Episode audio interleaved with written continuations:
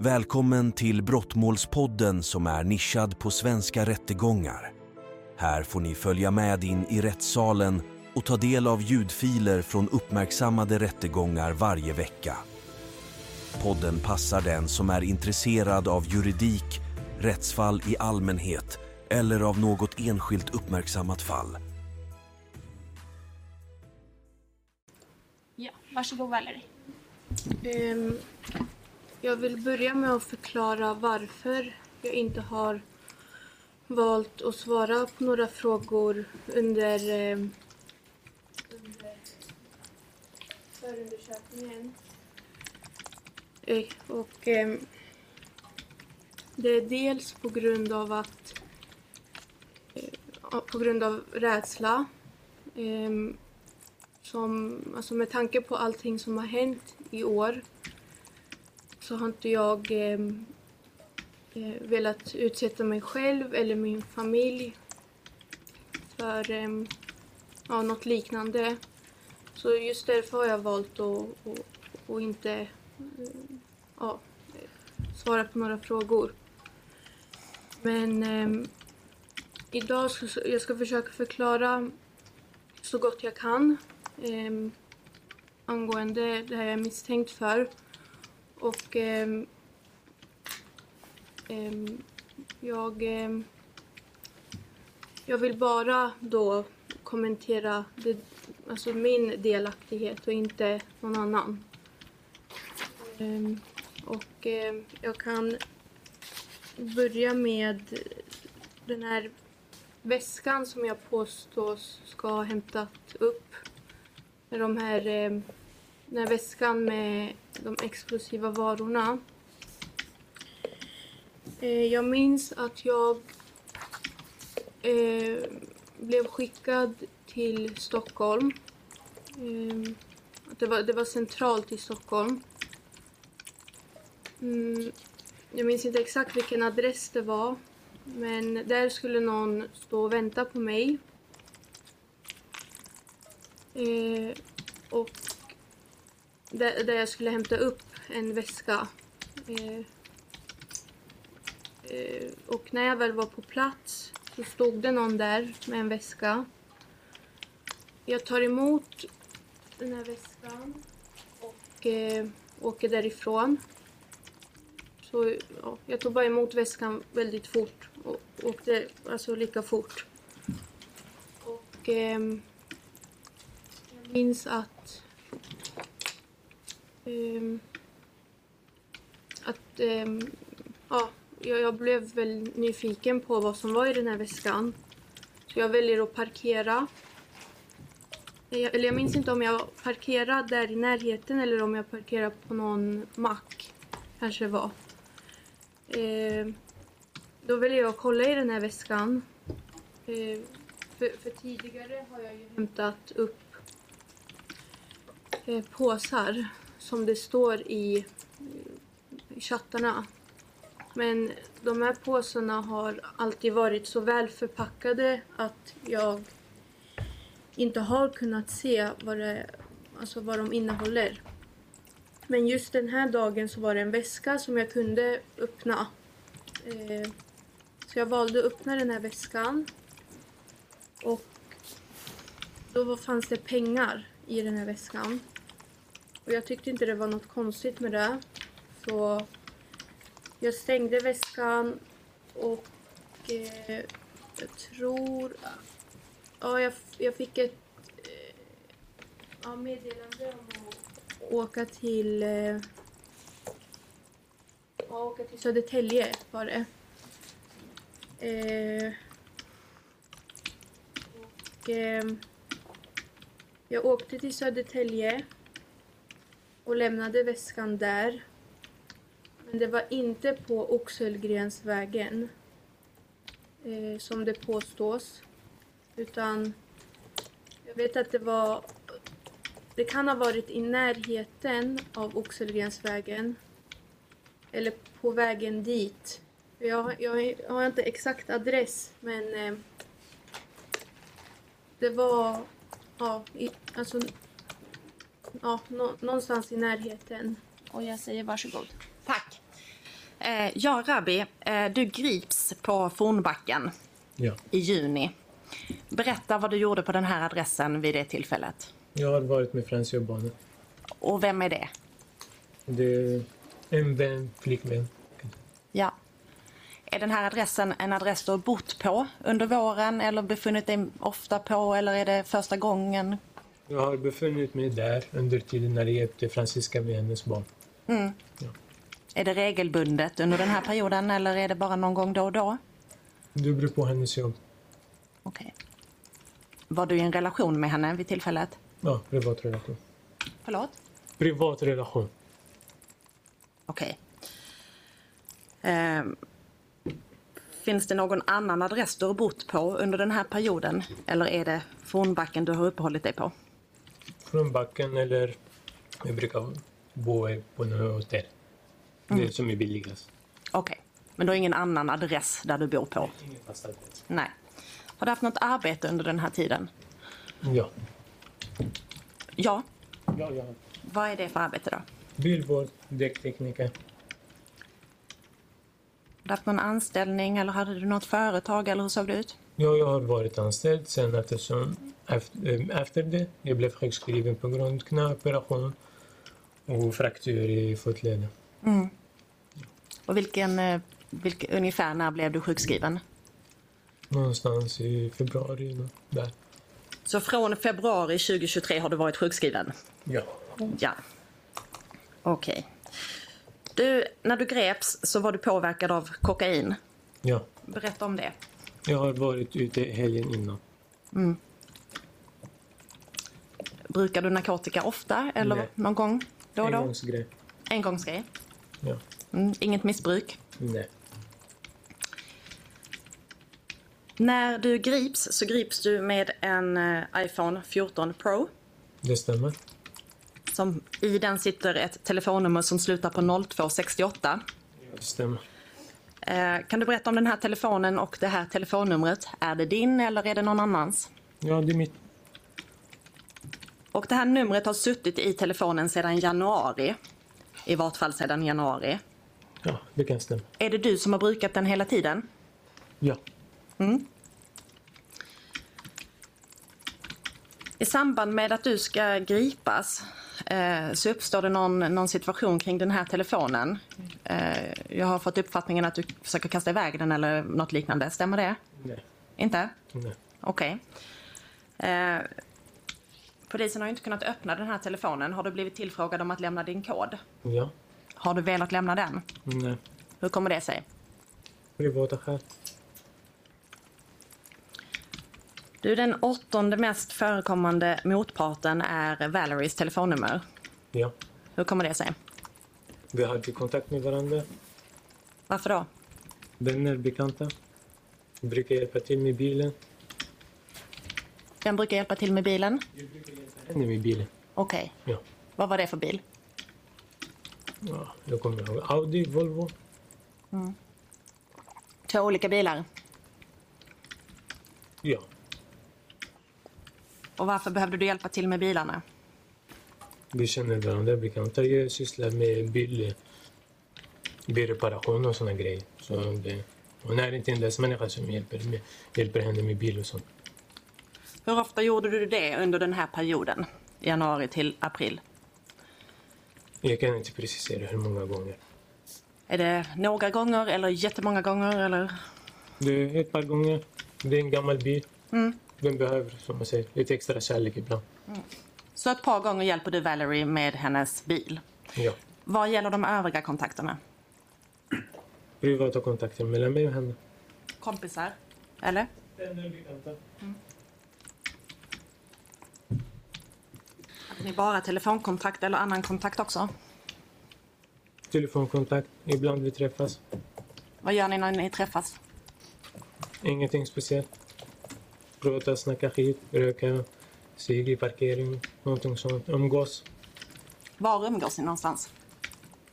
Ingen speciellt ställe som jag kommer ihåg. I chattarna så ser man ju att Valerie åker till Oxelgrensvägen och till Fornbacken. Vid de tillfällena, är det för att träffa dig då eller är det för någon annan anledning? Det är ingenting som jag kan bekräfta, för det är inte mina chattar. Vet du, var Valerie att hon gör någonting annat på Oxelgrensvägen 33 än, än att träffa dig då? Nej. Jag kan inte eh, kommentera, kommentera på hennes, eh, som jag säger, chattar eller händelser. Men berätta om Oxelgrensvägen 33, vad är det för adress? Det, vad, jag fick, eller vad jag förstod sen efter jag har sett bilderna, det är en lokal som jag har hyrt i andra hand från en Kjell Magnus. Säg en lokal, är det det här garaget du menar då? Skalporot som jag kan kalla det. Och varför har du hyrt det? Hobbylokal. Hobbylokal, Hobbylokal. ja. Mm. Vilken period har du hyrt det? Under februari, första veckorna av mars också. Februari till mars 2023. Ja. Hur mycket har du betalt för det? 6 000? I månaden eller? Ja. Vad har du haft för inkomst från Försäkringskassan? 1000 per månad. Plus minus. Det blir sexlingen. Varsågod Thomas. Ja, eh, Ravi och jag lärde känna varandra för massa herrans år, år sedan när han jobbade på en däckverkstad och jag hade en annan kompis som jobbade där. Och jag passade på att tvätta min bil gratis där efter stängning och sådär. Sen sprang vi på varandra. Eh, ja. Ganska kort innan som eh, det här tillslaget hände då. Och han kom och besökte mig i mitt garage. Jag fick ju väl uppfattningen om att han hade tråkigt för han var sjukskriven så han kom och besökte mig ganska ofta när jag höll på och jobbade med mitt liksom. Jag vet inte om det förklarar den där ökade kontakten med. Han har väl även fixat lite svartjobb åt mig när jag har pulat med bilar och sådär. Eh, Och jag frågade honom om han hade någonstans lokal för mitt garage varit uppsagt. Och eh, han sa ja, jag fick nyckeln där dagen innan. Och jag körde, jag vet inte hur många gånger jag körde fram och tillbaka. Mitt garage ligger vid den där telefonmasten som heter Tullan. Så det är därför det förekommer ganska ofta. Eh, jag ställde in alla mina grejer där. Eh, när jag var där så blev jag... Och jag ställde även dit en eh, cannabisplanta längst in bakom ett sånt där stort odlingstält. Så det var väl därför det stank så mycket narkotika när de kom dit kanske. Jag vet inte. Eh, när jag var där så fick jag instruktioner om att eh, gå bort till de där hyllorna som var längst in och där låg det fyra påsar. Fyra större påsar och två små påsar. Jag var instruerad att förpacka två av de stora påsarna. Så att man inte skulle kunna se vad det var i dem. Och skriva P1 och P2 på dem. Och lämna dem när en person kom för att hämta dem. För det skulle jag få de där två mindre påsarna som betalning. Och eftersom... Jag har precis fått tillgång till det här garaget. Jag vet att eh, Ravi är en av dem som har tillgång dit. Men eh, det var fler. Jag vill inte stöta mig med någon. Jag var, jag var jätteglad för att få lämna alla mina saker där istället för att inte ha någonstans att lägga dem. Det är ganska mycket pengar det handlar om i verktyg och sånt där som jag har köpt och samlat på mig under ja, flera år. Eh, så jag gjorde så och Valerie hon dök upp där. Hon klev precis innanför dörrarna bara på det här garaget. Hon fick dem där. Hon kan omöjligt ha sett vad det var i dem. Och jag har svårt att tänka mig att hon ska kunna ha sett något in i garaget heller. För det var så mycket skit som jag hade ställt in där. Så det... Ni har själv sett på bilderna kanske i förundersökningen. Uh, ja, sen kom polisen. Och här sitter jag.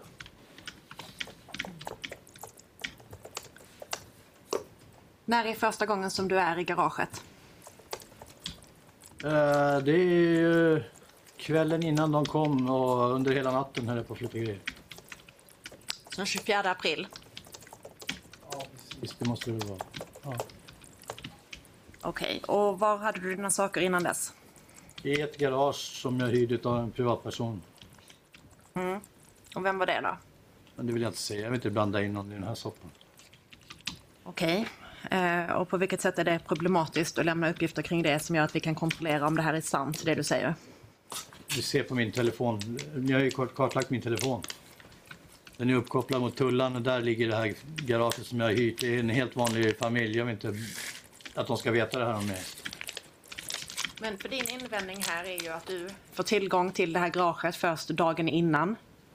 Eh, och att du inte har varit i garaget innan. Du har haft dina saker på ett annat ställe. Och det är för att ställa sakerna på Östergatan som du får tillträde. Exakt. För att vi ska kunna kontrollera om det här stämmer så skulle en sak för att kontrollera det skulle kunna vara att få kontakt med dem där du har haft sakerna tidigare. Varför lämnar du inte de uppgifterna? För att jag vill inte att de ska veta... Om, du, om jag blandar in dem i det här, då kommer ni kontakta dem. Då får de reda på allt det här om mig. Då har inte jag en chans att få hyra det där förrådet igen sen. Nej. Nej. I andra vågskålen ligger ju ett långt fängelsestraff som ändå gör att du inte kommer kunna hyra det där Jag tycker garaget. att ni har utrett det här. Det visar ju att det som jag säger stämmer. Ja, så du vill inte lämna de uppgifterna för att du vill hyra det där garaget igen? Det är det som är... Mm. Eh, vem är det som ger dig instruktioner om att paketera de här eh, paketen som du överlämnar till Valerie? Jag kommenterar. Eh, och varför inte det då? För att det finns ett liv efter det här också. Jag har familj. När får du instruktioner om att paketera det? Nej, garaget. Ja, I spaningen så syns det ju att du och Rabbi är i garaget samtidigt. Ja, men det är inte då. Okej. Hur kommer det sig att Rabbi är där den här dagen då? Han ville väl kolla hur det gick för mig att flytta in alla grejer. Och han, jag kommer ihåg att han gnällde på fan vad saker du har, han. Så. Han vill kontrollera dina saker. Nej, han, Eller kolla vad det var. Mm. Sen, eh, det kanske stämmer det han sa om att han bad mig flytta på de där däcken. Det kommer inte jag ihåg riktigt. Nej. Rabbi ringer väldigt mycket till dig eh, på förmiddagen. Den 25. Det finns i presentationen på sidan 12. Ja. Vet du varför han är så angelägen om att komma i kontakt med dig den här dagen? Jag är en ganska omtänksam person och han ville väl bara kolla så att jag eh, fick iväg alla mina saker i tid för att eh, 25 skulle jag vara utanför, ute ur det garaget. Det var viktigt.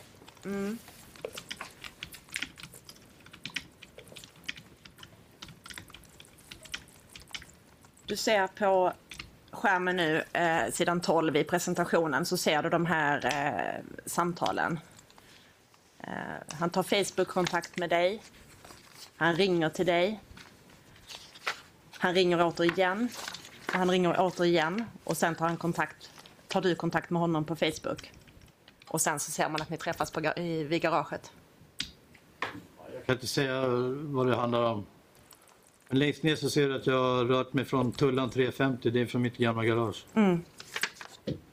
Men, men du förklarar alla de här kontakterna med att han vill kolla hur det går för dig att flytta in i garaget. Alltså grejen är det, jag är missbrukare och jag var full fart, som man säger, vid den här tiden. Så jag, jag kommer inte riktigt ihåg. Nej, jag fattar. Ehm.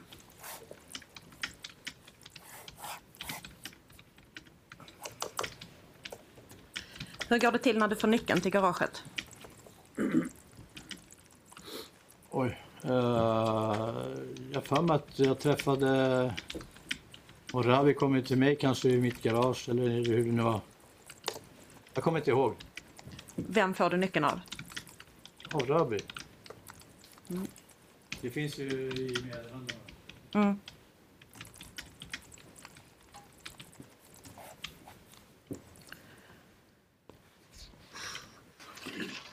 Du, eh, och, och vem... Har du sett någon annan person i det här garaget? Nej. Inte? Nej. Okej, har du träffat någon annan person eh, under kvällen, natten, 24-25 april? Jag fick hjälp av några vänner att flytta mina saker. Är det de som gett dig instruktion om att Nej. lämna över paketen? Nej. Nej. När och var och har du fått instruktioner om att lämna paketen då? Ingen kommentar. Okej. Du ställer in dina grejer i garaget. Då antar jag att du också vill veta vem som har tillgång till garaget. Jag vet att det är att uh, Rabi som har hyrt det, men jag får även information om att det är flera som eh, har tillgång till garaget. Jag har bara tänkt ha mina saker där tillfälligt. Ja. Så Är du rädd om sakerna? Absolut. Ja, min, min tanke var att jag skulle hyra ett Shurgard-förråd i värsta, värsta fall om jag inte hittade någon annanstans. Ja. Men du är rädd om sakerna. Då antar jag att du också undrar vem det är som har tillgång till garaget. Jag Som undrar- därmed får tillgång till dina Jag saker. undrar vem det är som har stulit mina saker efter jag eh, hamnade på häktet.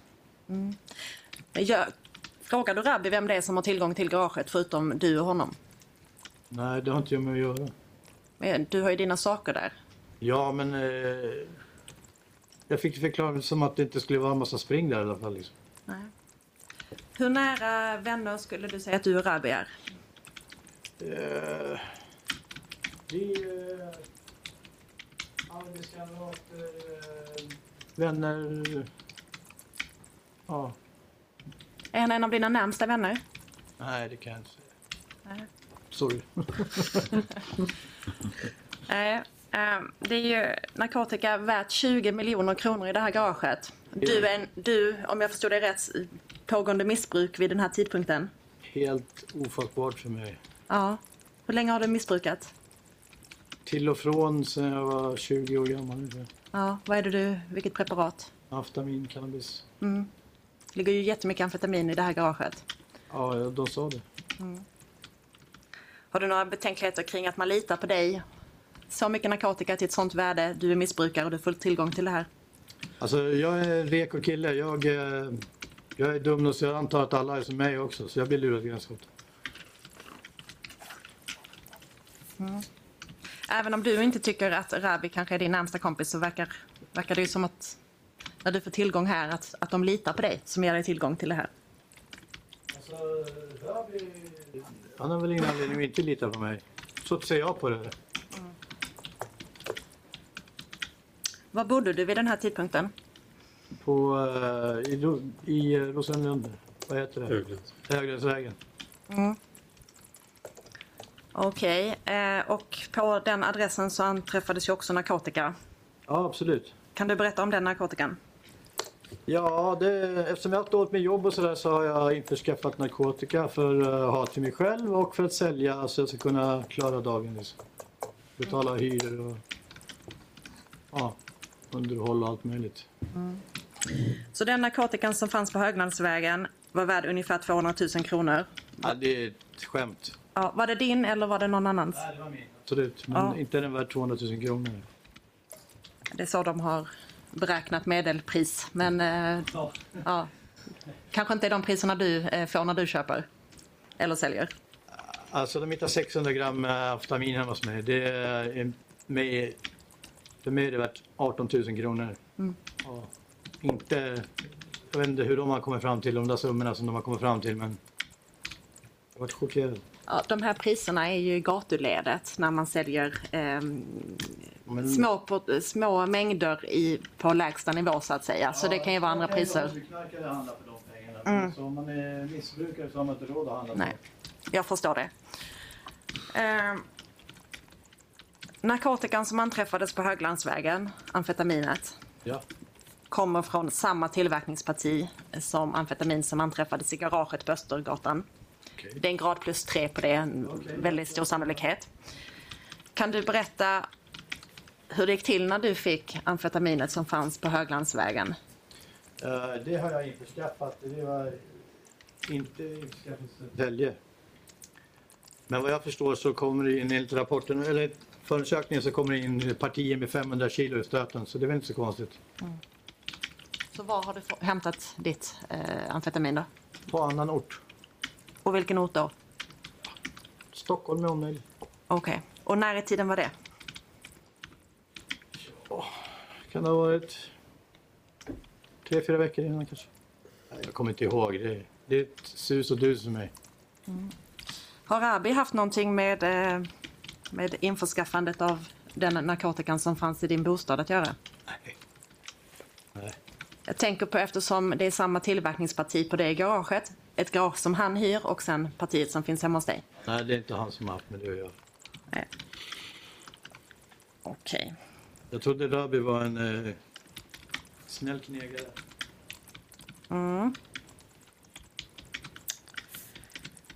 Eh, hade du något arbete vid den här tidpunkten? F-skattsedel. Jag eh, hyr ut mig själv till eh, byggföretag, bilverkstäder. Jobbar mycket svart. Så mycket jag kan.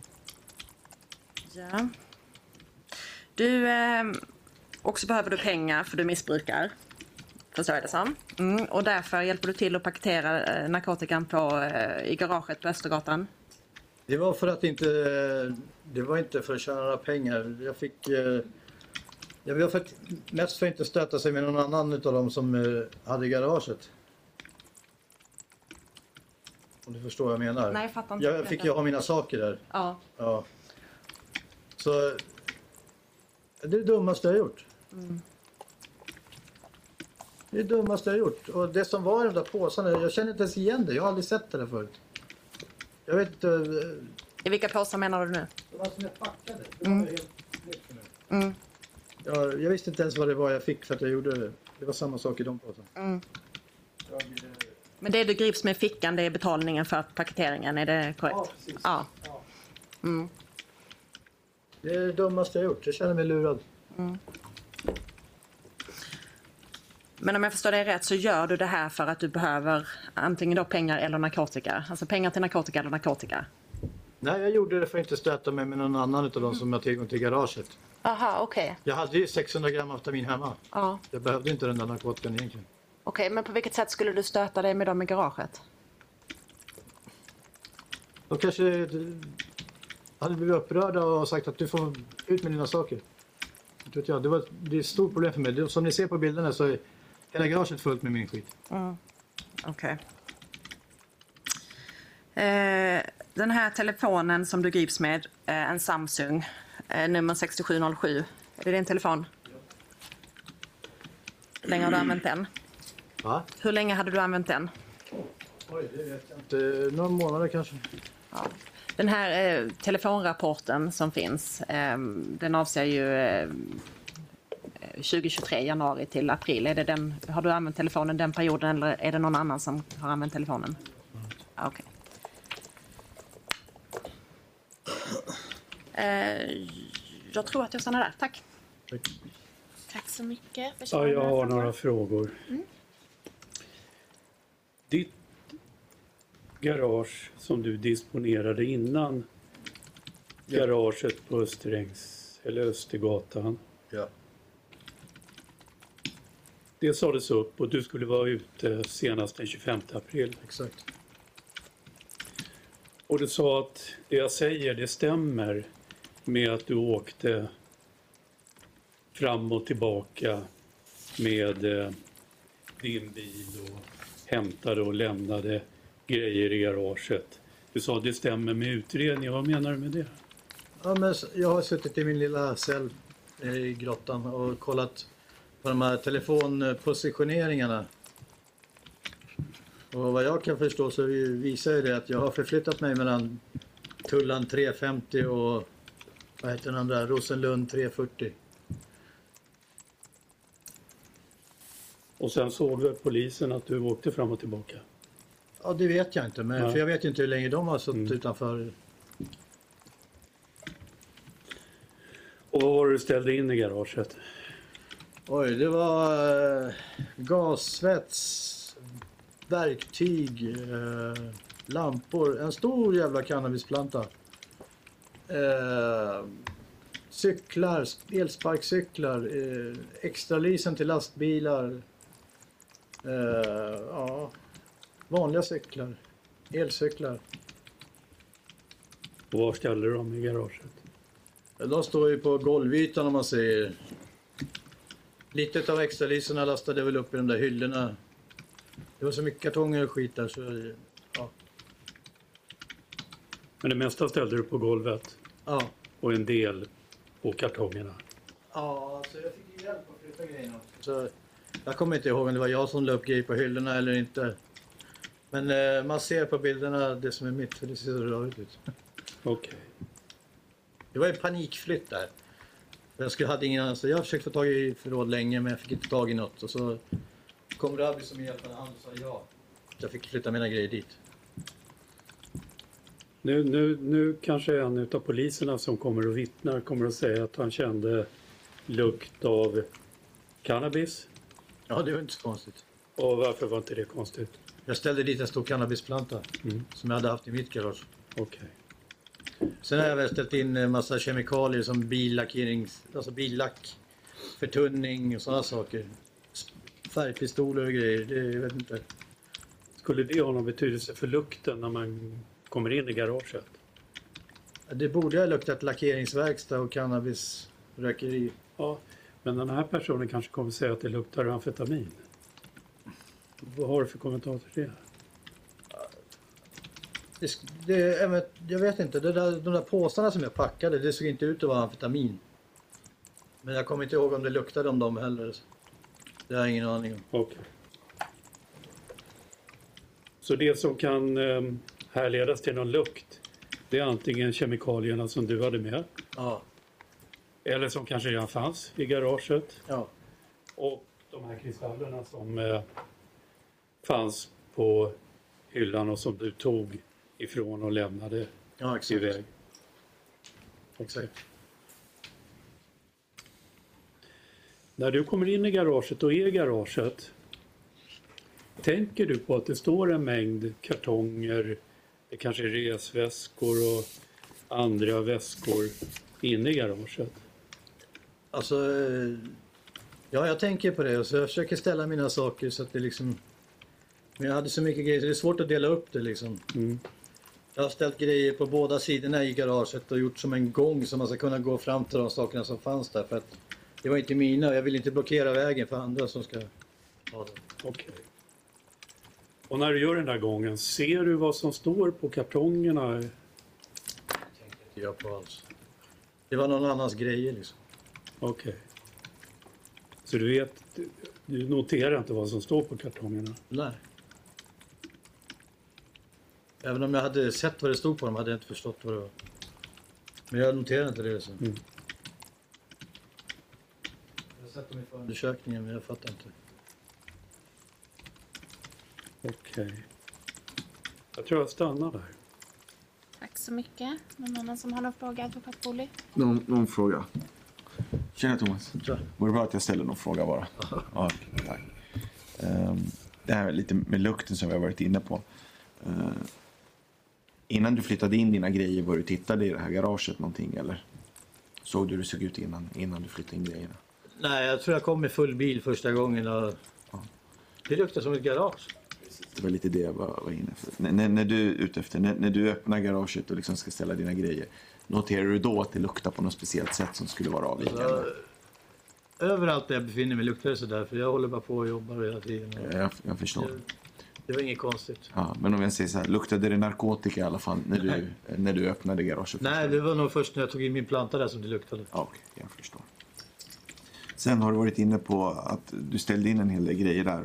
Så att jag tolkar det som att lejonparten av det eh, vi har sett i garaget, alltså de sakerna, lejonparten av dem, det är alltså... Det, ja, Ja, det är mitt skit. ja. Inte alltihopa. Jag tror... men en hel del i alla fall. Ja, och det, det är inget konstigt med det. Ehm, Jag tänker så här, eh, innan du ställde in dina grejer, ehm, gick du att använda lokalen till att kanske köra in en bil och liksom ut? Ja.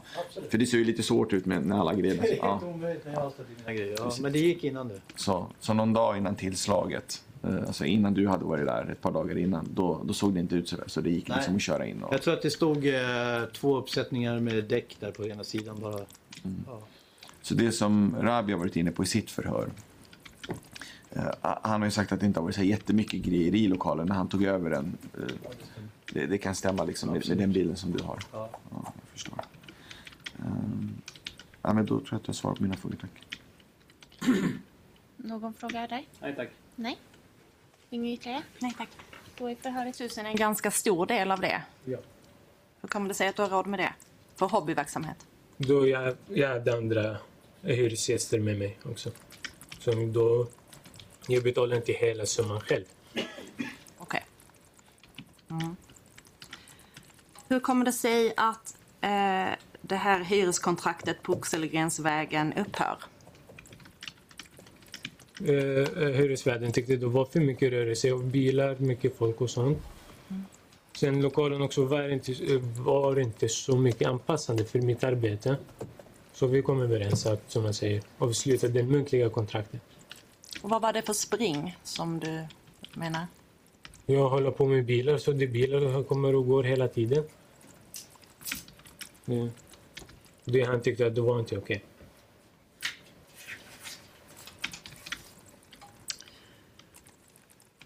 Du, Valerie får i uppdrag att köra till Oxelgrensvägen 33 vid 12 tillfällen under en tre veckors period. Vet du varför hon får det uppdraget? Nej, Du berättar ju att det var vid ett par tillfällen som du har hjälpt henne med bilen. Finns det någon annan anledning att befinna sig på Oxelgrensvägen? det är ingenting som vi kan kommentera.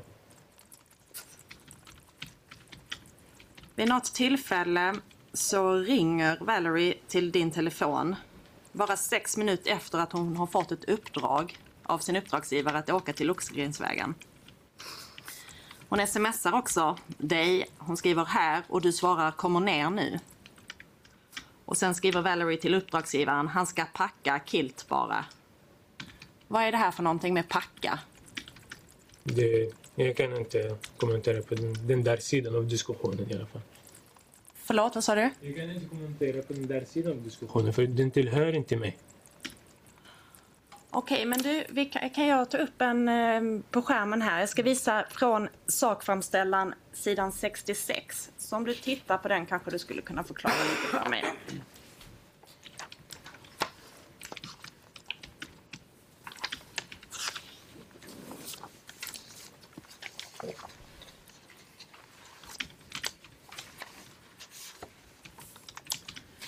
Eh, om du tittar på skärmen nu så ser du till vänster, det här är alltså sidan 66 i sakframställan. Till vänster så ser du en signalchatt mellan Becko och K som jag menar då är mellan Valerie och Rawa Majid. Eh, där Valerie får ett uppdrag, Oxelgrensvägen 33 och eh, efter ett tag så skriver hon eh, på frågan om hur det går. Han ska packa kilt bara. Precis innan det här har Valerie eh, ringt ett samtal till dig och det smsas också mellan dig och henne. Eh, av sms-konversationen får man intrycket av att du träffar Valerie i samband med det här. Är det något du har något minne av? Min tolkning för min del av disk- som jag säger, sms och sånt, det kan vara att vi skulle träffas. Eller hon vill, jag eller hon vill att vi ska träffas och sånt. Vi har kommit överens om någon plats. Säkert, jag gick ner därifrån, från den där platsen. För det står klart och tydligt, kom ner nu. Eller kommer ner nu. Precis, du går ner någonstans och träffar upp henne. Ja, jag kommer ner. Då jag har kommit ner från en annan fastighet. Ja. Och så gränsvägen, det är inte fastighet som står av flera våningar eller sånt. men bara några minuter senare så meddelar hon till sin uppdragsgivare att han ska packa. Bara. Vem är han då? Var det fler som var med där vid det här tillfället och var packade i så fall den här andra personen? Vid tillfället när jag träffade Valerie, det var bara jag och hon. Och vad menar hon då när hon skriver han ska packa? Har du packat någonting vid tillfället? Nej. Okej.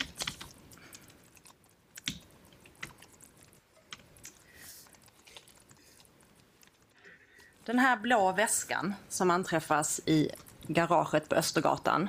Ja. Har du sett den vid något tillfälle? Hanterat den på något sätt? Inte på direkt sätt. Nej. På, hur menar du då? Jag kommer inte ihåg att jag har hanterat eller har sett den där väskan som jag har sagt förut i förhöret.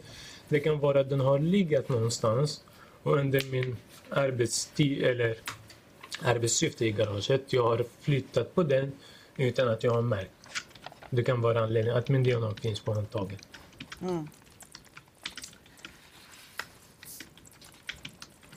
Hur kommer det sig att den här väskan hamnar i eh, garaget på Östergatan? För samma hyresgäst som har delat garaget med mig i Oxelgrensvägen har delat med mig tills vidare i Östergatan. Eh, Okej. Och det är den personen som har sett till att väskan hamnar i garaget menar du? Jag vet inte. Jag vet inte ens om den har varit i Oxelgrensvägen från början. Okej. Nej, I samband med att Valerie ska lämna väskan i Södertälje Ja. så ringer hon ett samtal, ett samtalsförsök till dig. Okej. Och sen hamnar den här väskan i ett garage som du hyr. Okej. Någon kommentar till det? Valerie är inte bara där i Södertälje så säkert. Vi, vi utnyttjade stunden och träffades. Du berättar om garaget på Östergatan. Det är du som har hyrt det. När var det? Någonstans i slutet av mars, början av april. Hur gick det till när du började hyra det garaget? Jag kontaktade Gabriel genom någon annons på Facebook. Och hur länge skulle du hyra det garaget? Vi kom överens först eh, muntliga avtal första månaden och kolla hur det funkar med varandra. Sen det skulle, om, det går, om det funkar bra mellan oss tills vidare blir det. Och vilken hyra var det du skulle betala? Vi kom överens 6-7 tusen någonstans där. Vad skulle du göra i garaget? Samma syfte, hålla på och serva bilar, mecka med bilar, byta däck, polera, bilvård. Och eh, det finns en uppgift i förundersökningen om att du får tillträde till garaget den 28 mars. Stämmer det? Ja, det en dag innan eller efter. Hur många nycklar fick du? Förlåt? Hur många nycklar fick du? Bara en nyckel. Mm. Och vem har haft den nyckeln? Den, ingen person specifik som har haft nyckel för vi brukar lämna den ute eller i själva, vad heter den, där man stänger och öppnar vattnet i fastigheten. Okej. Och vilka är det som har disponerat garaget under den här tiden när du har hyrt det? Jag, Thomas och andra hyresgäster som man kan säga. Du och Thomas och andra. Vilka är de andra? Ingen kommentar. Hur många andra är det? Jag kan inte bekräfta. Och vem har gett de här andra tillstånd att vara i garaget? De var hyresgäster med mig. Du är väl hyresgästen eftersom det är du som har det här hyresavtalet. Det är ju du och det är du som har fått nyckeln och det är du som har avtalet med hyresvärden om att hyra garaget. Det är jag som uh, haft muntliga avtalet med Ja. Gabriel. Ja. Det är ingen annan som haft något avtal med honom om jag har förstått rätt. Nej, Nej. Så vilka har du då gett tillstånd att vara i garaget? andra hyresgäster. Hur många då? Jag, Thomas och flera andra. Okej. Den här familjen som bor i huset, i det gula huset, Ja. har de varit involverade i, i verksamheten i garaget? Har de haft tillträde dit? Nej, vad jag förstod från Gabriel, de har inte tillgång till uh, lokalen. Nej. Och hur såg det ut i garaget när du fick tillträde? Jag har redan beskrivit den som jag beskrivit den förut. Hyllor, träskivor, lådor överallt. Jag ska bara förklara för dig att rätten, och det är de som ska döma, de har inte läst några handlingar utan de tar bara del av det som är här eh, under... Eh, sagt vad, vad jag har sagt redan i förhör. ja, och det de har läst, det du har sagt till polisen i förhör, det har inte de läst och de kommer inte läsa det heller. Så att därför är det viktigt att du återigen berättar eh, det som du vill ha sagt. Jag tror han bara vill relatera till att han har stått fast vid Ah, samma okej. uppgifter under förundersökningen. Har han vet om. Ja, Okej. förlåt. Mm. Eh, Okej, så att eh, det fanns massa grejer i garaget när du eh, hyrde det. ja, en del. Och vad var det för grejer? Skivor, gipsskivor, träskivor, plywoodskivor, eh, trähyllor, kartonger, lådor. Ja, Så de här, eh, längst in i garaget så finns det ju en hylla och där har vi anträffat eh, väskor och kartonger med vapen, sprängmedel och narkotika. De här väskorna och kartongerna, stod de där när du hyrde eh, garaget eller har de tillkommit senare? Jag kommer inte ihåg exakt, för jag har inte dokumenterat den dagen innan jag hyrde ut eller den, dag, den sista dagen jag har varit där. Det är inte att jag går in där varje dag och dokumenterar är som går in och går ut. Okej. Eh, hur kommer det sig att du accepterar att det finns massa grejer i garaget när du ska hyra det? För ändå... Du går och flyttar höger och vänster saker. Det är endast jag behövde utrymme för att kunna köra in en bil och kunna arbeta på den under den där tiden. Ja, men alltså det framstår när du berättar som att det är väldigt mycket grejer som står i garaget när du eh, hyr det. Mycket du... Det, tolkningen skiljer från någon till någon. Förlåt? Det ser ut mycket för mig, men ändå det finns tillräckligt utrymme för mig för att kunna utföra mitt arbete. Så då tycker du inte det är något problem att det är massa Det kartonger? var där? mycket saker, men det var ändå passande för mitt arbete. Okej. Hyresvärden, han som har hyrt ut till dig, han har ju en annan uppfattning kring det här. Kan det vara så att du missminner dig kring hur det såg ut i garaget? Det kan vara att vi misstolkade varandra. Misstolkade varandra, hur menar du? Hans tolkning för mycket saker är inte som min tolkning för mycket saker i garaget. Okej. Du, eh, enligt polisen som gjorde tillslaget så luktade det starkt av narkotika i garaget. Det låg narkotika öppet och om man är i garaget kan man inte missta sig på att det hanteras narkotika där. Enligt polisens uppfattning. Vad är din uppfattning kring det där? Jag har inte känt lukt av narkotika där. Jag har inte sett narkotika heller. Har det skett någon brottslig hantering i garaget? Narkotika, vapen, sprängmedel eller annat? Ingenting som jag känner till. Det fanns kartonger i garaget märkta MDMA och CMC. Vet du vad MDMA och CMC är? Ja, jag förstår vad det betyder i alla fall. Ja. Har du sett den här beteckningen på kartonger i garaget när du har hyrt garaget? Nej, jag har inte. Jag har inte snokat i andra så kartonger som man kan säga. I garaget fanns också plasthandskar, märkpennor, silvertejp, en våg. Va- varför fanns det där? Plasthandskar, Jag själv har använt plasthandskar. Eller vinylhandskar som man kan kalla dem. Vad har du gjort det? Varför har du gjort det? För att undvika att få kemikalier på mina händer medan jag jobbar med bilen eller undvika att få olja och sånt. Och då det blir enklare för mig istället att sitta och tvätta mina händer i 20 minuter, halvtimme bara för att få bort olja. Då jag använder handskar för att skydda min, min hud. Märkpennor och en våg, använder du det också i din bilhantering? Nej, det är ingenting som jag har hanterat som våg eller märkpennor. Och varför fanns det i garaget då? Jag vet inte. Det låg ju också öppet på hyllan. Reflekterade du någonting över det? Det låg också öppet på hyllan. Vad är det som låg uppe på hyllan? Märkpennor, silvertejp och våg. Var det, Det- någonting du re- reagerade på att det fanns där? Det är ingenting som är olagligt att ta upp märkpenna eller silvertejp eller våg. För jag ska reagera om det. På det. Du, hur ofta var du i garaget under den här perioden? Inte så ofta, Under den där månaden jag hade eh, bruten fotled. Så jag hade inte till, jag kunde inte röra mig som jag vill. Eftersom det har varit dåligt väder, snö, lite halkigt. Så jag har inte rört mig så mycket. Så under april hade du problem att utföra dina, det du ville göra? Under mars och april jag hade gips i höger fot. Så jag kunde inte röra mig som, som jag vill. Som jag kan säga. Tog du hjälp av någon då eller la du bara dina...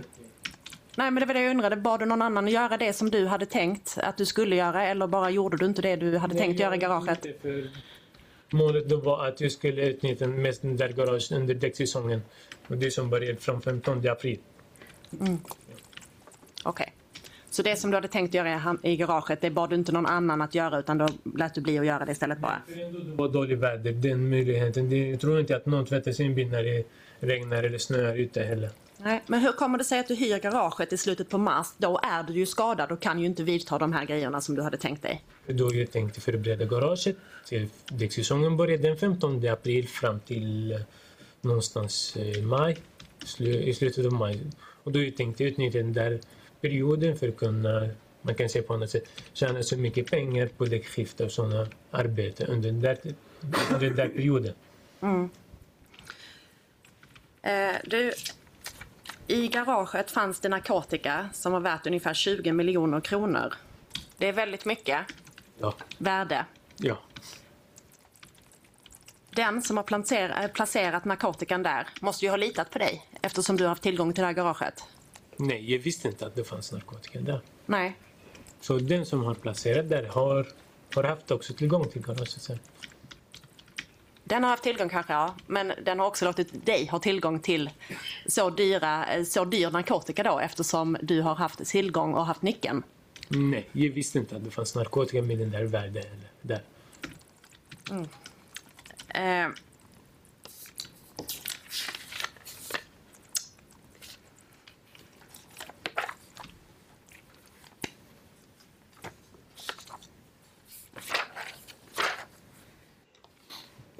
kartong som stod i garaget så anträffades det massa narkotika och ett vapen och på det här vapnet fanns ditt DNA. Okej. Vad har du för förklaring till det? Det är ingenting som jag känner till. Det är ingenting som jag har rört själv. Nej, men det låg ju i en kartong tillsammans med narkotika ett vapen med ditt DNA. Hur har det kommit dit där? Har du någon förklaring? Från min perspektiv, jag har ingen förklaring för det. För jag vet att jag har inte rört någon vapen där. Nej. Och i en annan kartong med jättemycket vapen så låg den här väskan med sprängmedel och på den väskan var också ditt DNA. Det var alltså i en annan kartong. Hur kommer det sig? Jag förstår från det, men DNA har träffat bara på själva väskan, inte andra vapen som ligger i samma kartong, eller? Ditt DNA finns i två olika kartonger med narkotika, vapen och sprängmedel. Har du tagit någon befattning med någonting av det här? Förlåt? Har du tagit någon befattning med någonting av det här? Vad jag förstår att du säger att min DNA har varit bara på en väska och på ett vapen på, i två olika ställen. Väskan som jag har förklarat innan, det kan bara ha varit ute eller utanför den där kartongen som du påstår. Jag har rört den under, under tiden jag har flyttat saker runt bara för att kunna köra in en bil eller köra ut någonting. Har du grävt i kartongen under tiden då? Nej, jag har inte rört kartongerna. Det jag har sagt att jag har kanske har rört väskan när den har varit utanför kartongen. Eh, På flera ställen i garaget så fanns det olika skrifter, bland annat en post-it-lapp i en kartong med narkotika där det står 22 kilo 3-CMC. Eh, en annan kartong där det står eh, MDMA på utsidan. Det här har NFC tittat på och bedömt att, att det är en grad plus två. Eh, alltså att det är sannolikt att det är eh, du som har skrivit det här. Vad har du för kommentar till det? Har du skrivit det? Det är inte plus fyra heller. Nej, det är plus två. Så ni har jämfört bara med två personer. Så det kan, vara, det kan finnas hundra personer till som har skrivit den där. Skrivit. Du, du menar att det är inte du som har skrivit det? Okej. Mm. Eh, och du har inte skrivit någonting av det här som, eh, som NFC har satt en plus tvåa på att det är du då? Inte 20 tekov Nej, eh, eller 37 tekov? nej. Nej. Okej. Eh, och kan du berätta om din och ehm, Thomas Landers relation? Vi är bekanta. Jobbade med varandra förut i bilverkstäder och sånt. Han varit en kund ibland. Kommer med hoj, bil, hjälper honom byta däck, rekommendera tvätta. Sån relation. Som man säger, en kund, bekant, vän. Okej. Hur kommer det sig att han är i garaget den 25 april? Han behövde hjälp att förvara sina saker och sånt och jag erbjöd honom. Han frågade mig, jag tackade ja. Att eh, han skulle kunna ställa sina saker där under tiden. Samtidigt tänkte jag utnyttja hans, eh, hur ska man säga, talang. För han är jätteduktig svetsare. För jag vet att han jobbade som en duktig svetsare förut. Och då jag tänkte, det finns den här möjligheten att kunna ta emot hans hjälp. Och, eh, Under samtidigt jag hade bruten fotled så jag tänkte kanske han kan hjälpa mig utföra det här, det arbete som jag behöver göra på vissa bilar och då jag delar vinsten med honom. Okej. Och eh, när i tiden är det som han får tillgång till garaget? Förlåt? När i tiden är det som han får tillgång till garaget? När är han där första gången? Jag kommer inte ihåg exakt men det är någonstans under april. Okej. Eh, vad är det för saker som han ska lämna där? Sparkcyklar, cyklar, eh, lastbilslampor, lyktor, såna grejer. Vad jag förstår från honom. Eller vad jag har sett också där. Ska han betala någonting för det eller låter du honom bara förvara det? har inte någon slags betalning men jag tänkte han skulle kunna betala med att utföra tjänster. Utföra till exempel däckbyte, hjälpa mig polera någon bil, mecka med någon bil, serva någon bil, sånt. Och då det blir som man säger mindre kostnad för mig, mer vinst för båda. Från själva eller som man säger, bilhobby. Eh, men du, den 24, dagen innan eh, tillslaget i garaget, så finns det kommunikation eh, då han eh, vill ha nyckel. Ja, det stämmer. Ja. Är det första tillfället som han får nyckeln till garaget och får tillträde till garaget eller har han varit i garaget även innan dess? Jag kan inte bekräfta exakt, för jag kommer inte ihåg. Det var länge sedan. Men vad jag kan kommentera att han frågade om nycklarna. Säkert för han ville försätta ställa sina grejer eller någonting sånt. Mm. Eh, mm, mm, vi ska se. När han... Eh, den här eh, kommunikationen mellan dig och honom den 24 april. Ehm, det är ju på kvällen eh, den 24 april. Det finns på sidan 11 i eh, presentationen som jag hade under sakframställan. Eh, då skriver eh, Thomas Landers till dig, jag behöver nyckeln till garaget så jag kan lämna mina grejer där. Ja, Och du svarar okej, ringer snart. ja. Hade ni pratat om det här tidigare då eller hur visste du vad det här gällde? Han skriver ju inte så mycket. Det står ju inte vad det är för saker eller något liknande. För jag vet redan vad det är som han håller på att flytta in redan där. Vad sa du?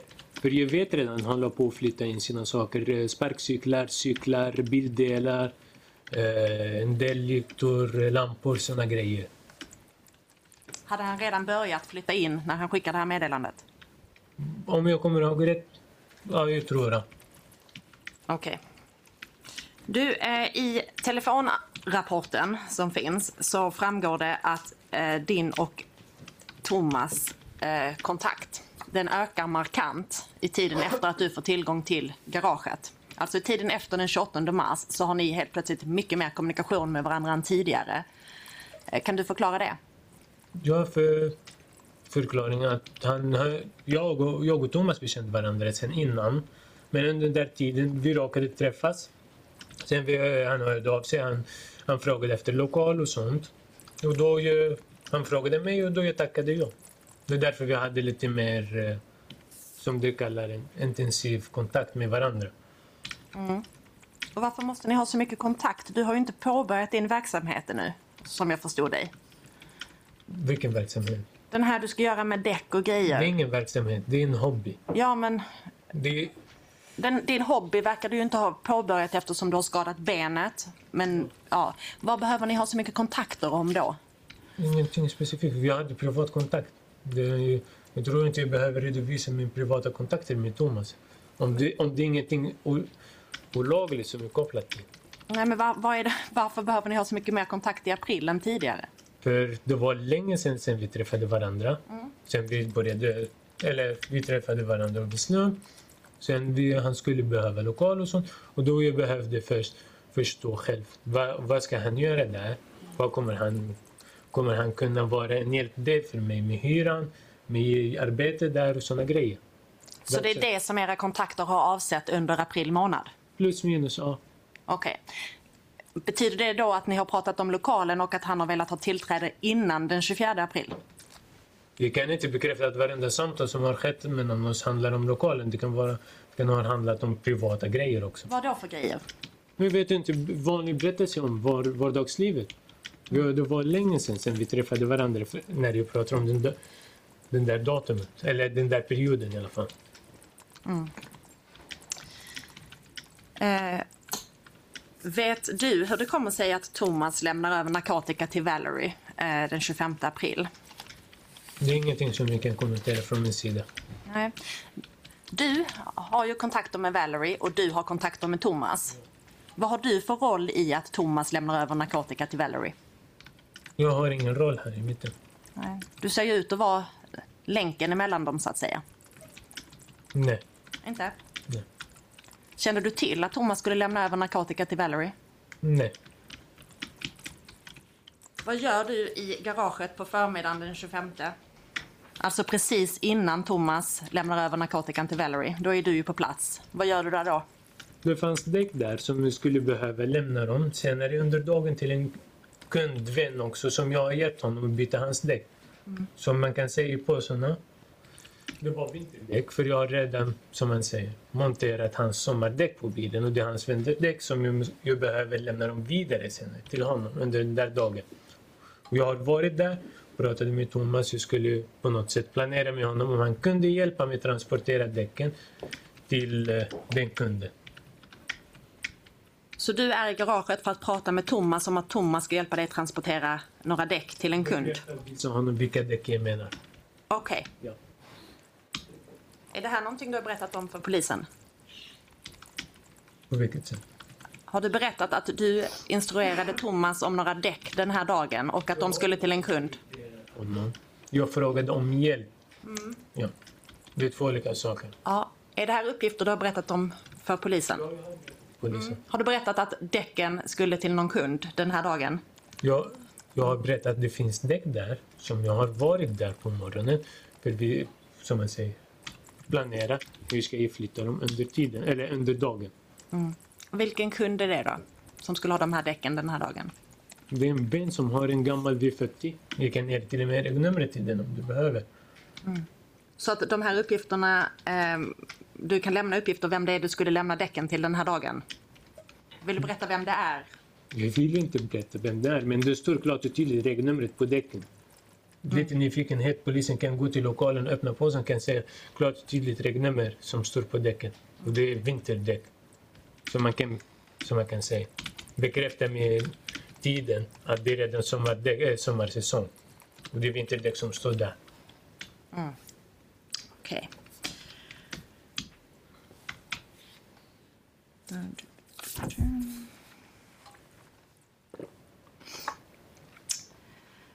Eh, Valerie får ju tio uppdrag att åka till Fornbacken. Vet du om det finns något annat för henne att göra där än att träffa dig? Jag kan inte kommentera på hennes...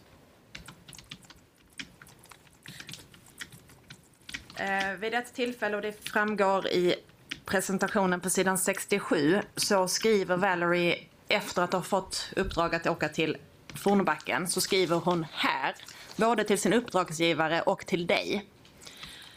Vet du varför hon skriver både till dig och till uppdragsgivaren samtidigt? Jag kan inte kommentera på den delen som hon skriver, eh, som det säger till hennes uppdragsgivare. Men den delen som jag kan kommentera om, att min del, kanske hon har kontaktat mig, hon behövde hjälp med någonting eller hon behövde prata om någonting privat. Eller hon kanske hon var i närheten och ville bara, som man kan säga, snacka lite skit. Vet du vem Animal Shopping är? Känner du till att Valerie utför uppdrag åt Animal Shopping? Nej.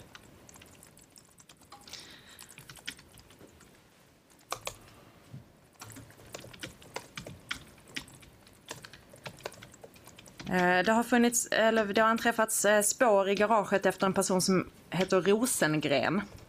Vet du vem det är? Nej. Det vet du inte? Nej. Eh, Det var ett vapen som anträffades i garaget som användes vid en skjutning när man sköt ett stort antal skott in i en villa i Järfälla. Eh, Rosengrens DNA har anträffats eh, på det här vapnet och vapnet användes vid skjutningen. Vet du hur det här vapnet hamnade i garaget som du hyrde? Nej, det är ingenting som jag känner till. Har du gett eh, Rosengren tillträde till garaget? Jag känner inte ens vem den här Rosengren Nej. En Söderberg. Han har lämnat DNA på en vakuumpåse. Vet du vem han är? Nej, Har du gett honom tillträde till garaget? jag vet inte ens vem den här. Nej. Eh, kin- Kinalis. Te- Teofilidis Kinalis eller något liknande. Han, eh, det är han som har eh, avsatt DNA på den här blå väskan och berättat om att han har hanterat den och att han är dömd för det. Nej, det är ingen som jag känner. Nej. Har han haft tillträde till garaget? Jag, känner, jag vet inte ens vem den där personen är. Nej. De andra som har avsatt eh, spår i garaget, fingeravtryck på en plastsäck, de frihetsberövades ju redan i mars. Så det var ju innan du fick tillträde till garaget. Så de behöver jag inte ens fråga om du eh, känner. Förlåt? Nej, det, de, de andra som har avsatt spår har frihetsberövats innan du fick tillträde till garaget. Så då, de kan ju inte ha varit i garaget för de har suttit hos polisen. Så där behöver jag inte fråga dig menar jag. Okej. Eh, Hur är det med din koppling till Sverige? Har du någon familj här? Ja. Vad är det för familj? Syskonföräldrar? Okej. Och ehm, någon... eh, har- du, rätt, har du uppehållstillstånd? Får du lov att vara i Sverige eller vad har du för eh, rättigheter här just nu? Vet du det? svara på den här för du har, du har ingenting kopplat till det här fallet. Eller? Nej, jag tänkte bara om du ville redogöra för någonting eftersom jag, har begärt att du ska jag behöver, utvisas. jag behöver inte redogöra. Nej. Eh... Nej, då stannar jag där. Tack. Tack. Advokat Poli, några frågor? Det, det finns ett utvisningsyrkande, men jag tänker att vi kanske ska återkomma till det i personalia delen, att vi håller utanför ansvarsdelen. Kanske tänker Rabbi också på samma sätt. Eh, Rabbi, jag har hört vad du har, du har svarat på åklagarens frågor. Jag hade egentligen bara ett par korta kompletterande frågor. Um, åklagaren har varit inne på att flera tillfällen när, när Valerie har varit i Södertälje så har man sett att era telefoner kopplar upp och att ni har någon typ av kontakt. Och eh, jag har ju läst förundersökningen också. där Det finns en hel del kontakter mellan er. Eh, det, det som kanske inte har presenterats lika tydligt det är att eh, i förundersökningen så har ju utredarna själva bedömt att eh, ja, det är min tolkning, lejonparten i alla fall, mestadels av era kontakter bedöms som att, eh, ja, citat, vara flörtiga. Ja. Eh, om jag får uttrycka mig på det sättet. Eh, och då eh, tänkte jag ställa den frågan. Det kanske lite, eh, det kan vara lite pinsamt att prata om det så här i, i, i rätten men eh, tycker att det stämmer in i alla fall på, på din egen beskrivning av kontakterna med, med, med Valerie. Har ni haft en flörtig kontakt? Ja, kontakten har varit flörtig från min sida i alla fall. Ja. Har det funnits ett, liksom, funnits ett visst intresse från din sida för att liksom, lära känna henne? Ja. Okej. Ehm, har ni setts ute? Liksom, har ni varit ute eller hur? Kan du beskriva liksom, vad ni har gjort så att säga? Ja, det kan, vi har träffats ute ett par gånger. Inte någon specifik ställe, men vissa gånger. Jag har följt med till någon bilverkstad eftersom jag är lite mer kunnig med bilar och sånt i vissa delar som jag har inte kunnat uppföra själv. Jag har följt med till någon verkstad som jag har rekommenderat själv och varit med där under den tiden de har utfört reparationen eller det är tjänsten som behöver utföras på hennes bil. Har ni varit ute och festat någonting? Nej, Okej. Har ni varit ute i Stockholm? Träffats i Stockholm någonting? nej. Okej. Är det bara i Södertälje ni Ja, i Södertälje. Okej, jag förstår. Har ni varit ute och ätit någonting? Har ni ätit tillsammans? Ja, någon gång kanske, men inte på direkt sätt jag kommer ihåg. Ja, okej. Jag förstår. Eh, sen tänkte jag fråga. ehm, du har ju talat om att eh, du har ju haft lite olika eh, förråd eller garage som du har hyrt för att du ska ha din hobbyverksamhet. Ja, det stämmer. Ja. Och då har du eh, båda de här utrymmena har du delat med några andra. Ja, det stämmer.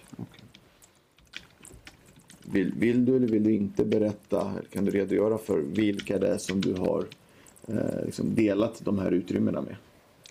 Nej, jag, kan, jag vill inte berätta nu eftersom vad jag, vad jag fick veta att jag har en träffat i, i lokalen och sånt. Då jag vill inte ställa mig i, i den situationen som jag känner mig i risk eller eh, eh, ställa min familj eller min anhöriga i den här risken heller. Okej, För alla vi är medvetna vad det som händer ute jag förstår. med de här kopplingen till eh, vissa folk. Åklagaren har varit inne på att du har ju haft en lön som du själv har sagt ligger på någonstans mellan 15 000 och 17 000. Det talades om något förrådsutrymme som kostade hela 6-7 000 kronor. Det är, det är rätt mycket. Ja. Eh, och allt är ju relativt. Jag tänker så här, det är mycket om man inte tjänar någonting, men den här hobbyverksamheten. eh, När du har liksom ställt upp och utföra tjänster, till exempel tvätta bilar eller rekond eller byta däck. Ja. Har du ställt upp gratis eller är det någonting som du har tagit betalt för? ja, jag har tagit betalt från vänner. ja. Men man kan säga gåva mot gåva. Okej, men det har i alla fall, du, du har i alla fall tagit emot eh, pengar? Ja. okej.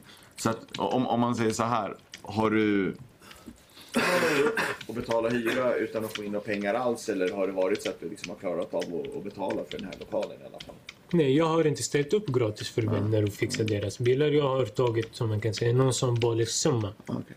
En del mycket billigare än vanlig verkstad. Ja.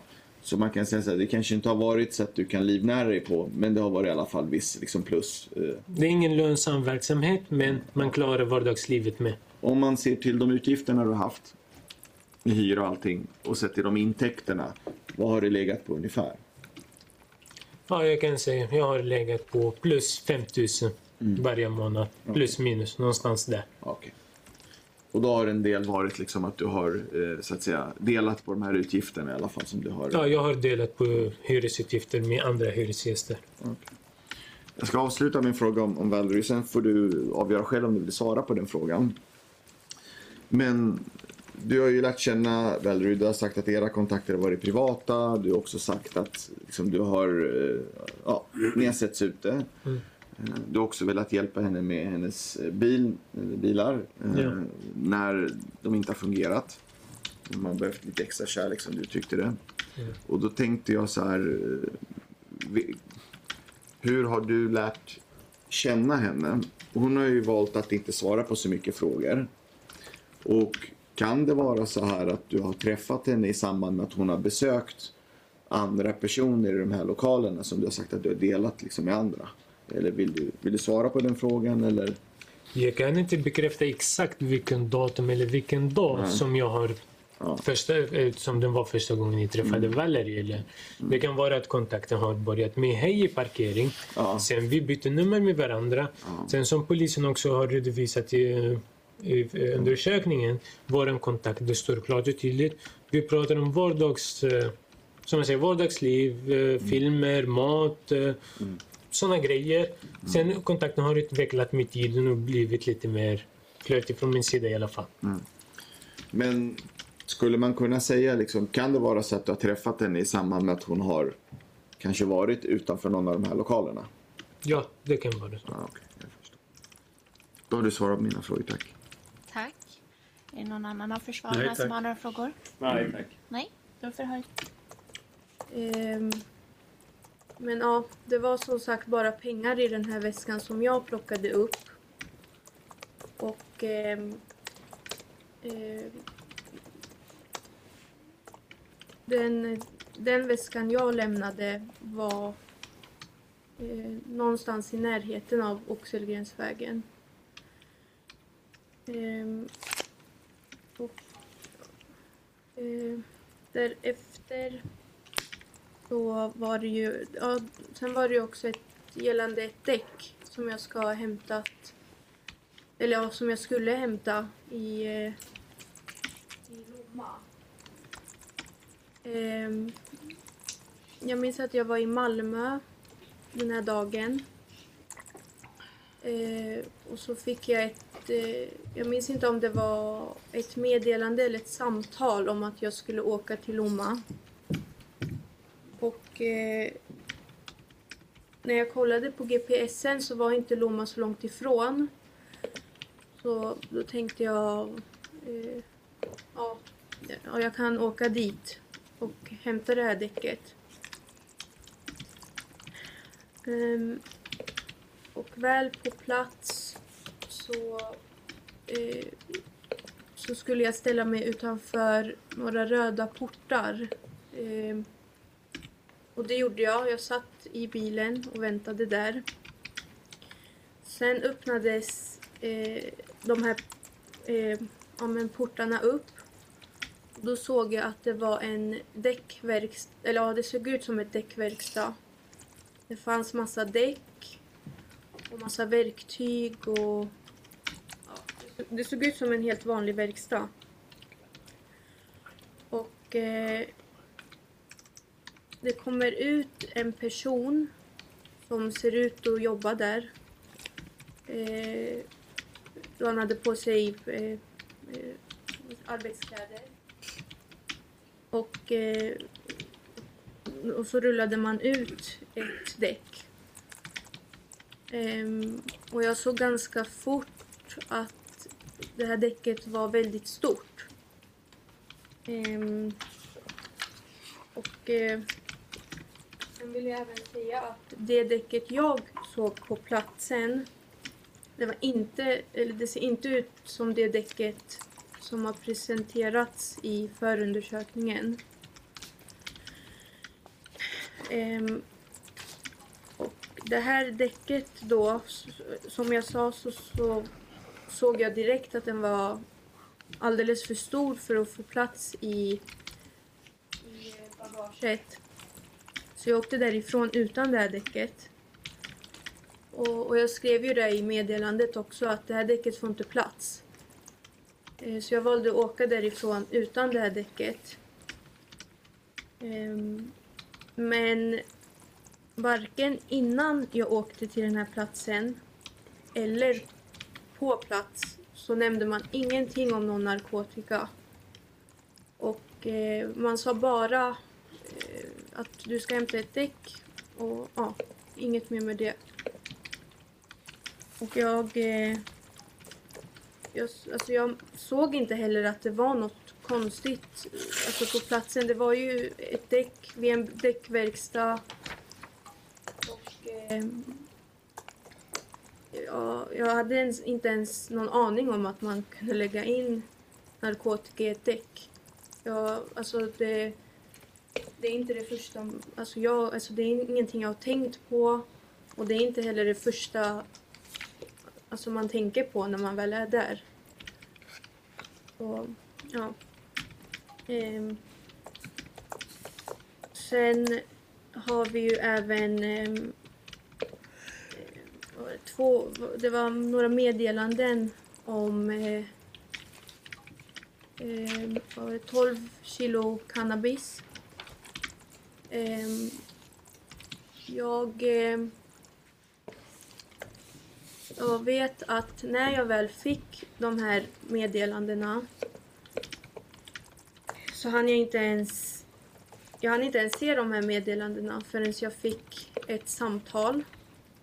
Och det ser man även i, i, eh, i chatten att jag får något samtal bara någon, någon sekund efter eller så. Ehm, och ehm, i det här samtalet så sa man att, eh, att det här meddelandet som jag precis hade fått inte var eh, menat för mig. Utan att eh, man var väldigt stressad, att man pratade med flera olika personer samtidigt. Och eh, att, eh, ja, att jag bara skulle ignorera det meddelandet. Men eh, jag minns att jag blev väldigt upprörd för att jag, jag, har aldrig, alltså jag har aldrig varit i kontakt med narkotika. Jag har aldrig brukat narkotika. Jag har aldrig varit i, alltså i sådana sammanhang eller med, såna, med, ja, med, med personer som brukar narkotika. Eh, jag blev väldigt upprörd och jag sa det att jag kommer inte hämta något paket med narkotika. Eh, men i det här samtalet så försäkrade man mig om att det är inte narkotika. Du, du behöver inte oroa dig. Jag hade inte utsatt dig för något sånt. Ehm, så vi, ja, vi diskuterade en stund och ehm, ja, jag, eh, jag valde att lita på det man sa helt enkelt. Så ehm, jag hämtade upp eh, det här paketet, eller paketen eller vad det var. Och eh, väl på plats så valde jag att eh, kontrollera alltså om, om det verkligen var narkotika eller inte. Men eh, paketen var så väl förpackade och eh, så jag kunde, jag hade ingen möjlighet att öppna upp och kolla vad det var. Men eh, ja, jag valde helt enkelt. Alltså att det inte var narkotika då. Eh, och sen har vi ju också eh, den här dagen den 25 april då jag blev gripen. Eh, jag åkte till Södertälje på eh, den här Östergatan. Jag parkerade bilen alltså, precis utanför. Och eh, jag sitter även kvar i bilen en stund. Eh, och då, eh, då kommer det fram en person och vinkar till mig. Eh, och den här personen har jag aldrig träffat tidigare. Jag har aldrig sett den här personen. Så till en början eh, tänkte jag, eftersom att jag inte visste vem det här var så eh, skulle jag ringa den här personen som jag har kontakt med. Och eh, jag tar upp min telefon och är på väg att ringa. Men sen tänker jag, eh, ja men jag struntar i det. Jag, jag, ja, jag väljer att li, lita på den här personen. Eh, eh, varför vet jag inte. Jag bara, jag bara valde att att lita på honom. Så jag går ut ur bilen. Jag går fram till garaget där man ber mig att hämta en påse. Och eh, jag råkade ju ha en påse i bilen så jag går och hämtar den påsen. Och så går jag tillbaka till garaget där man eh, stoppar in två paket i påsen. Eh, så går jag tillbaka och lägger in påsen i bagaget.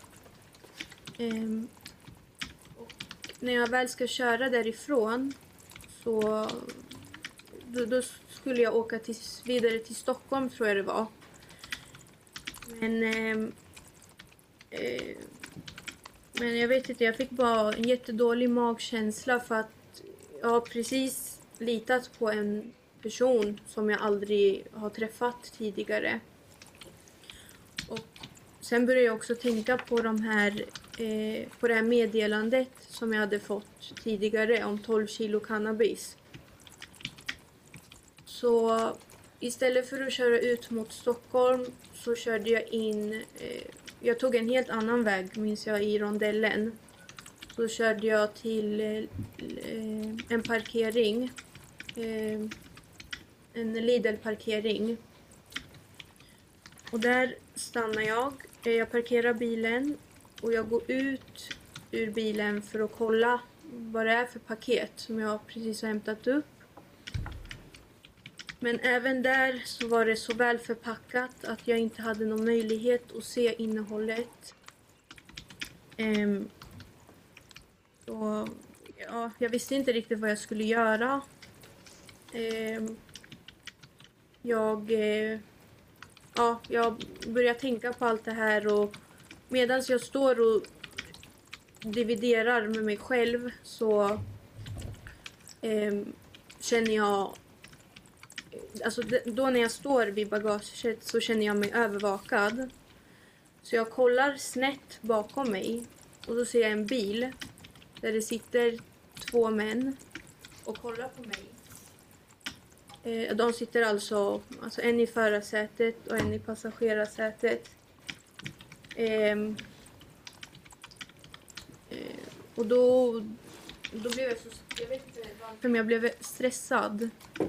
Och tänkte att... Eh, ja, alltså... Ja, jag vet ju inte vad det är i de här paketen.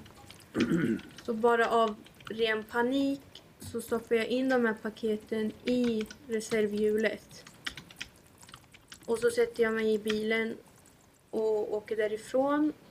Och eh, ja, sen blev vi ju gripen precis efter det.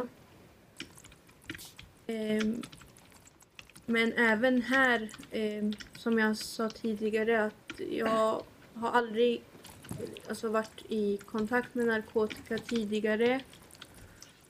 Och jag skulle aldrig heller Alltså hade jag vetat från första början att det var narkotika så hade jag aldrig hämtat upp paketen från första början.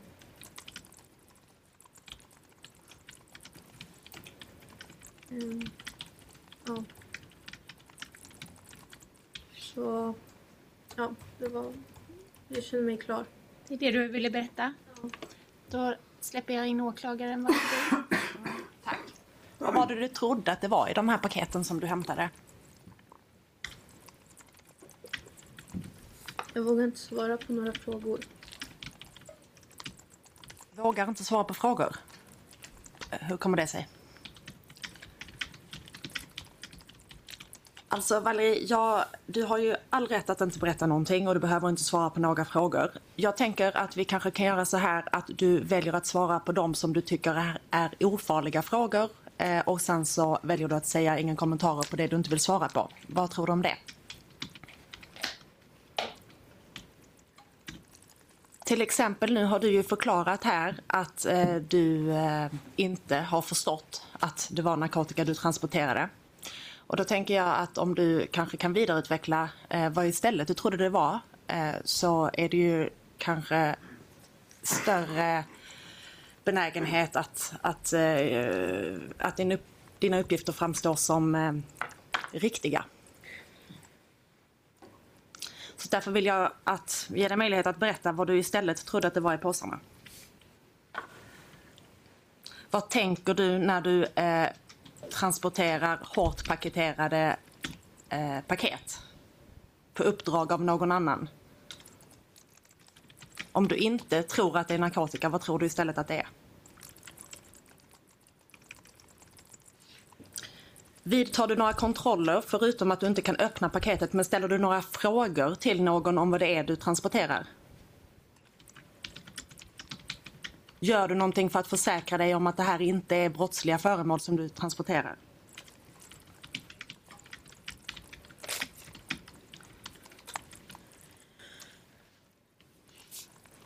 I... ehm, din försvarare sa i sakframställan att du vidgår att signalaliaset Becko är ditt. Det var, berättade du inte någonting om själv här. Kan du berätta om det, om de uppgifterna är korrekta, att det är du som har skrivit från signalalias Becko?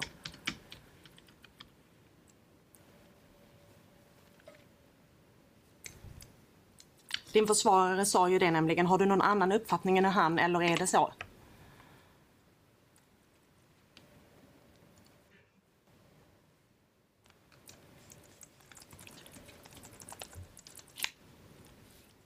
Har du haft något arbete under den här perioden, alltså ett vanligt arbete?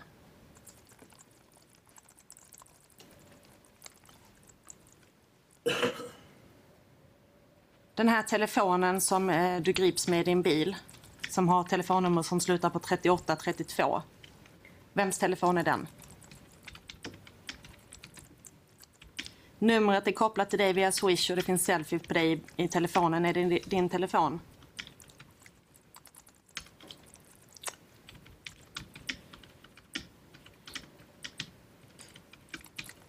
Det är 250 olika uppdrag som Becko får under perioden januari till april 2023. Det är i snitt ungefär 2,7 adresser per dag. Eh, kollar man i sammanställningen som är åberopad i målet på vad det avs- uppdragen avser så är det nästan till hela tiden påsar. Har du vid något tillfälle kontrollerat på något sätt vad det är i de här påsarna?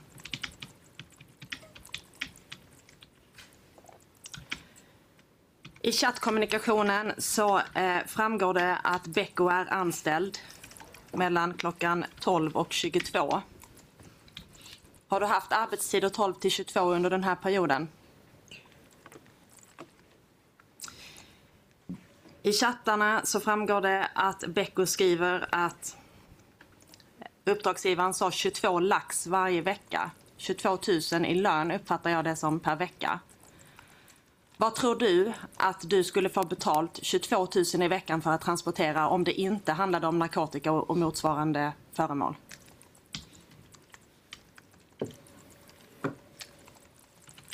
Vilken typ av eh, transportuppdrag ger så mycket betalt enligt din uppfattning?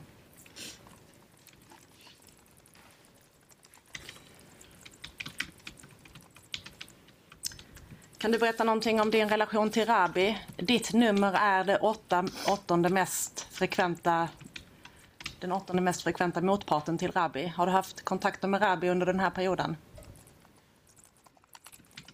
Vad har du gjort på Oxelgrensvägen 33 där Rabi hyr ett garage?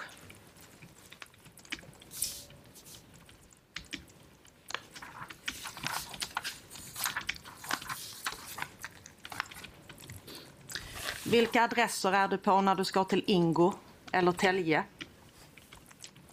Har du varit i garaget på Östergatan vid fler tillfällen än den 25 april? Enligt polis som ska vittna här så luktar det starkt av narkotika i garaget och det ligger narkotika synligt i garaget. Var det någonting som du såg när du var där inne? Var det någonting som du kände doft av?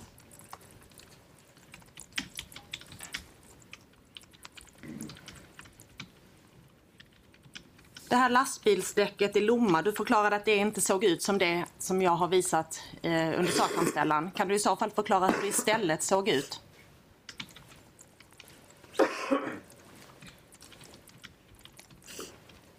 På vilket sätt skilde det däcket sig mot det som eh, skars upp dagen efter att du var där?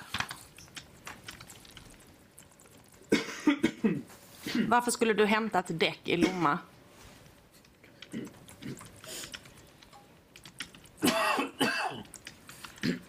När det gäller transporten den 21 februari så säger du att de här instruktionerna instruktionen om 12 kilo weed, att det var fel. Det skulle inte till dig. Det fick du eh, information om på ett telefonsamtal.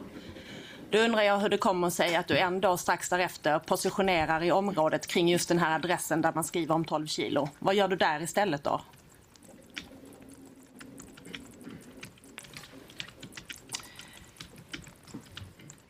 Får också instruktion om att lämna resten på Oxelgrensvägen efter 12 kilo weed på Odalsvägen i Sundbyberg. Vad är resten som du ska lämna på Oxelgrensvägen? Vad gör du i Hammarbyhöjden och Norrköping samma dag? Vad är det för påse 1, 2, 3 och 4 du ska lämna?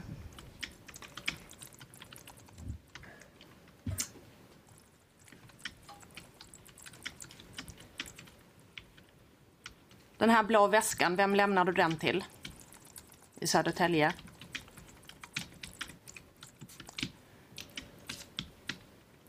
På den här blå väskan finns det DNA av en person som sitter häktad i Estland. Han är hörd. Han är dömd för brott mot lagen om brott, eh, brandfarliga explosiva varor. Han har berättat att han har hanterat den här väskan och att det är det han är det var för den här tidigare utredningen som han är dömd för. Nu berättar du att det istället, vid tillfället när du hanterar väskan, att det är pengar i den. Men sen visar det sig återigen att när den anträffas så är det eh, de här explosiva varorna i. Kan du berätta lite mer om de här pengarna? Vad var det för pengar? Hur mycket? Vilka valörer?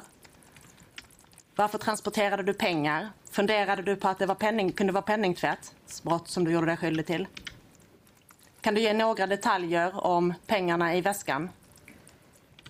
Det har du ju själv berättat om, att det var pengar. Varför är det farligt att vidareutveckla det?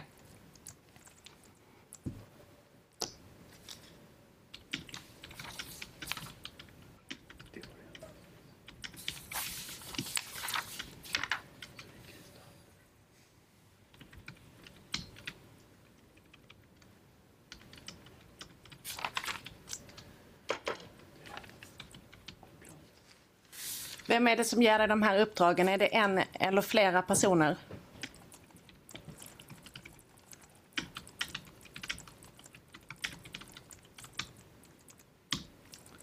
Vad gör du på Fornbacken?